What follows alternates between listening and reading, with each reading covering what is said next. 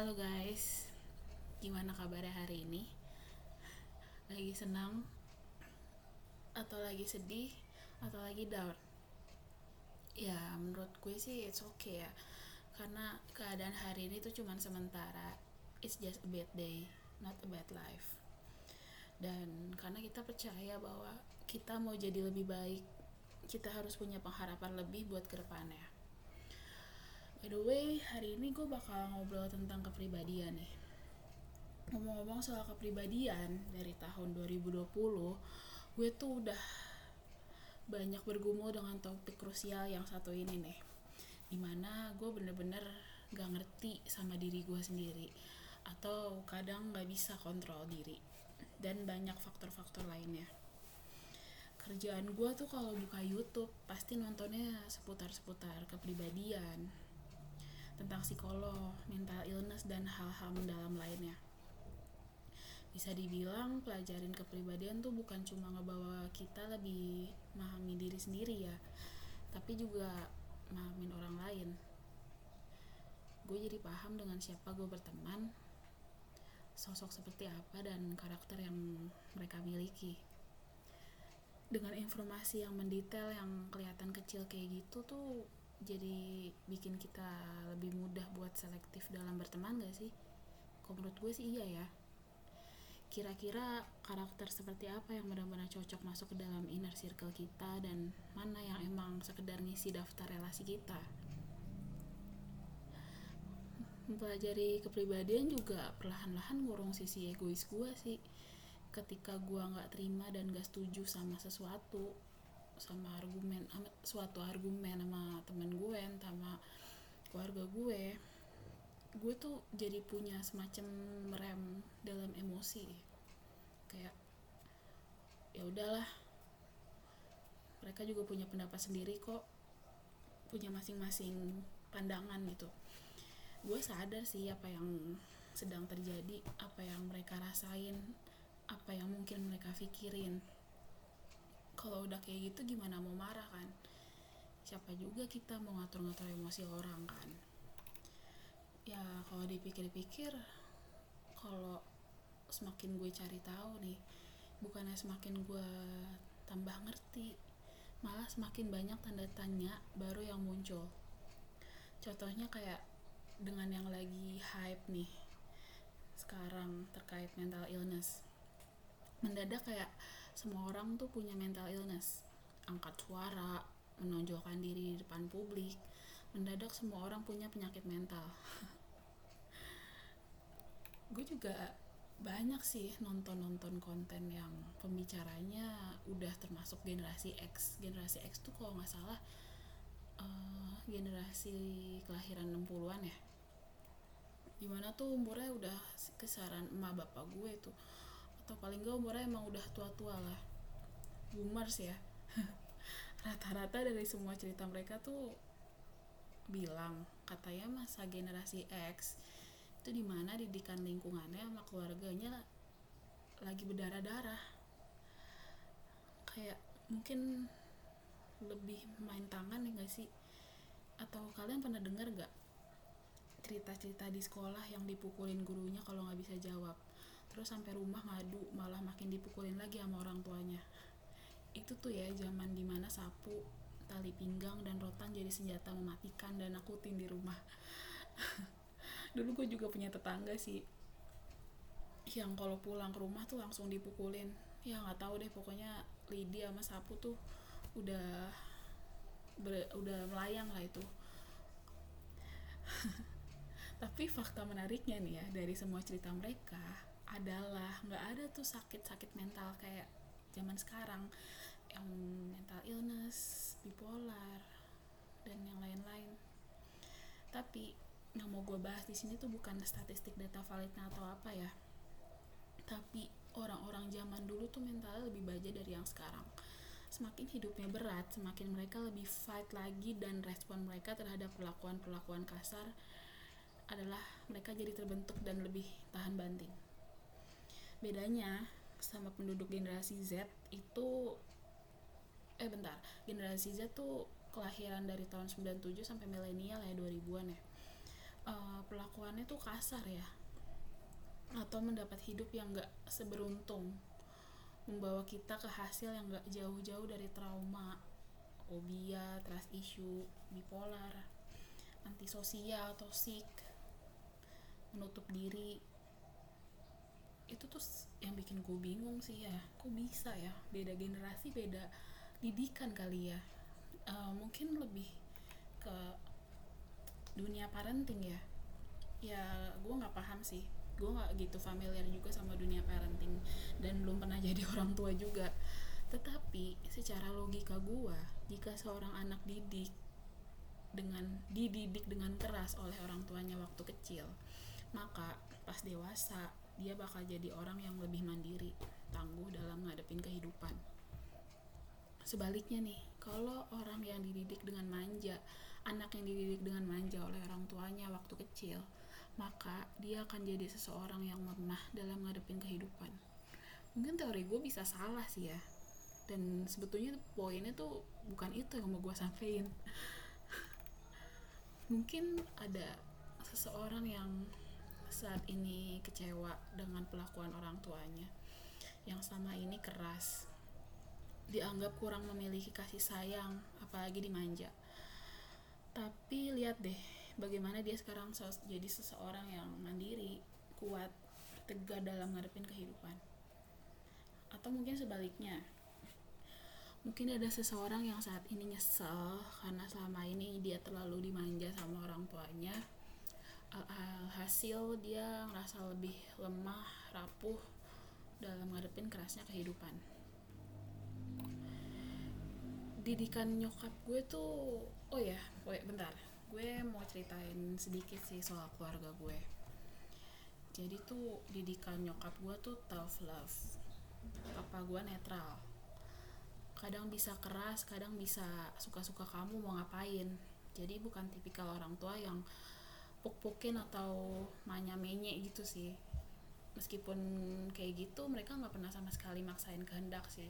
Dia tuh mereka selalu ngasih kebebasan gue mau milih jalan apa yang mau gue pilih mau sekolah apa asal jelas asal gue bisa ngejelasin ke mereka gitu. Dari kecil tuh nyokap gue pendidik yang keras kalau dia maunya harus diturutin bisa teriak-teriak.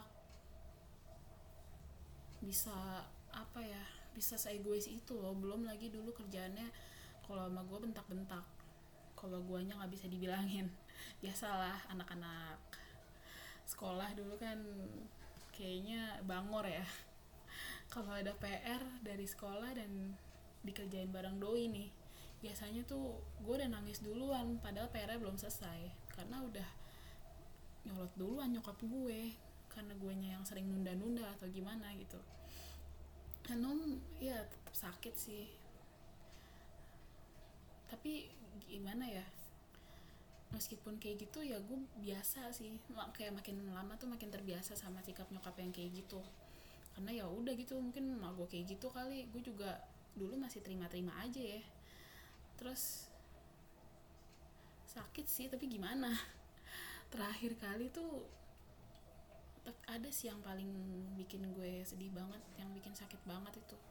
Gara-gara gue ngelawan omongannya dia sih. Waktu itu kayaknya gara-gara gue mau pergi ke mana tapi nggak dibolehin sama dia. Tapi gue agak batu agak ngelawan gitu. Karena ya gue udah umur segini masih aja dilarang-larang gitu loh. Capek juga sih kadang gue nggak paham tuh di hari itu mak gue lagi kenapa. Dia tuh marah-marah kenceng banget emosi banget.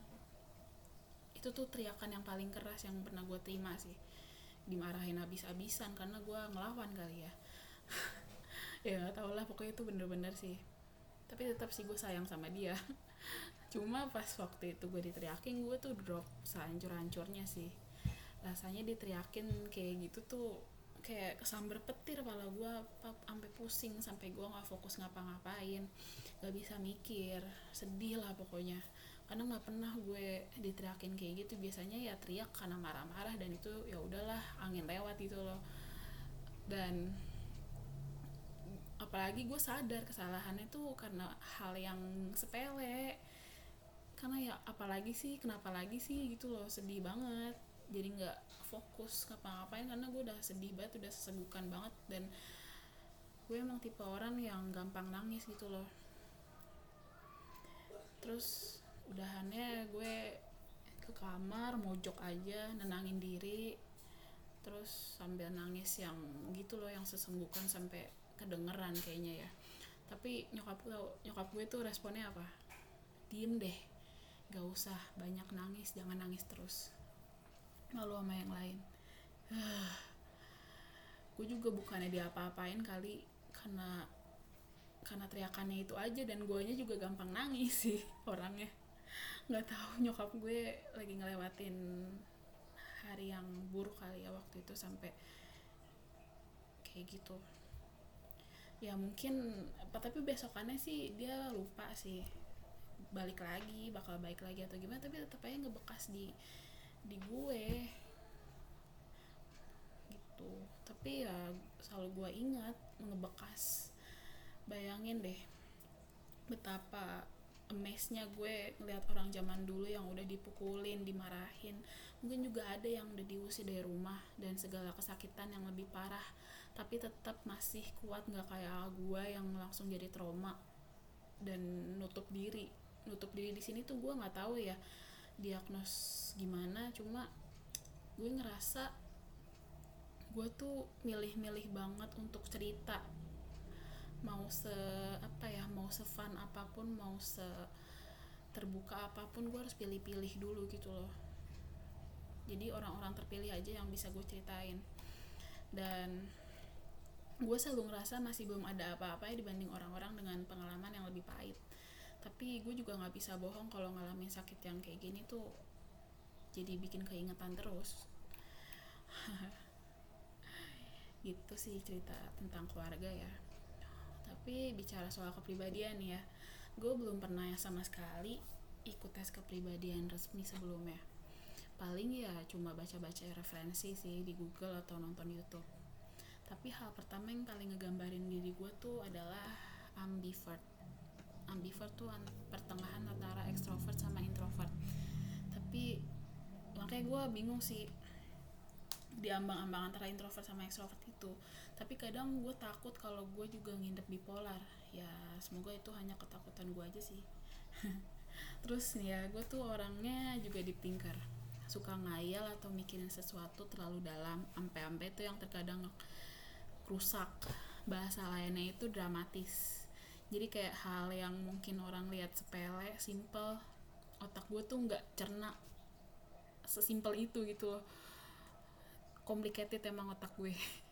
Bagi gue tuh hal-hal kecil tuh justru inti yang paling besar. Jadi kayak gue selalu apresiasi hal-hal kecil yang orang lakuin untuk hidup gue dan begitu juga sebaliknya sih. Bisa dibilang gue sensitif sih. Terus yang paling krusial nih ya dan yang seringnya out of control. Pasti kalian juga ada sih ini mood swing. Mood swingnya tuh bukan yang kayak sebentar seneng terus sebentar sedih. Tapi bisa kayak hari ini tuh terlalu seneng sampai loncat-loncat kayak orang liar kayak makhluk lepas kandang gitu loh. Atau di hari berikutnya bisa sepemurung itu sampai ngomong aja tuh aduh males banget. Senyumnya tuh males. Kalau ditanya cuman ngangguk-ngangguk. Bahkan bisa kayak sehaya nangis berderai air mata dan gue sampai nggak makan. Tanpa satu orang pun tahu penyebabnya kenapa. Tapi ya gue salut sih sama teman-teman gue yang paham kalau gue tuh lagi kalau kalau gue lagi kayak gitu tuh pasti lagi bete gue juga bingung sih sampai sekarang juga teman-teman gue masih kaget juga dengan sifat terpendam gue ini nih. Tapi gue sayang mereka. Itu sih tentang hal yang sejauh ini masih gue pahamin tentang diri gue mungkin masih banyak hal lain yang bahkan gue sendiri nggak sadar ya. Ya semoga gue masih bisa terus belajar tiap harinya semoga kalian juga bisa terus pelajarin diri kalian. Nggak apa-apa kalau kita ngaku sakit. Nggak apa-apa kita kalau ngaku lemah. Nggak apa-apa ngaku tidak baik-baik aja. Percayalah teman. Itu salah satu jalan menuju pemilihan.